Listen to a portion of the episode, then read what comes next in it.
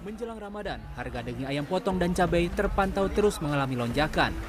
Harga daging ayam potong naik dari Rp35.000 menjadi Rp40.000 per kilogram.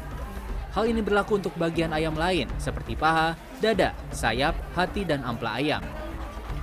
Kondisi serupa dialami pedagang cabai yang mengeluhkan kenaikan harga.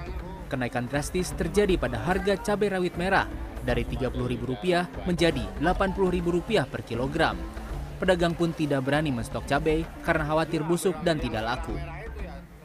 Sementara itu, minyak goreng yang sempat langka kini terlihat kembali berlimpah, seperti di Pasar Senen Blok 3, Jakarta Pusat. Meski stok banyak, harganya yang mahal yang mencapai Rp50.000 per liter membuat komoditas ini tak terlalu diminati konsumen. Ya karena kondisinya naik, ini bukan naik ya, ganti harga ya mas ya. Ya pembelinya ya berkurang, terus kitanya juga agak menipis banyak.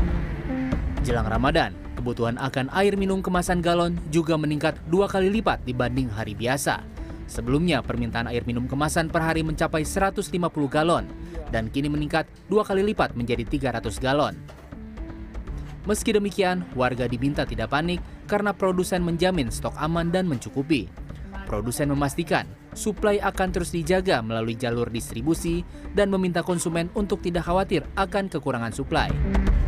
Ingin memastikan bahwa konsumen kami tetap tercukupi kebutuhannya akan air minum kemasan galon guna ulang selama Ramadan dan Lebaran ini.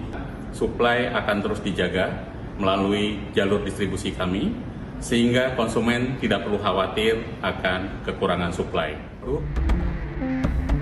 Peningkatan permintaan air minum dalam kemasan galon ini tidak terlepas dari kekhawatiran warga akan banyaknya agen yang libur panjang pada Idul Fitri. Tim Liputan CNN Indonesia.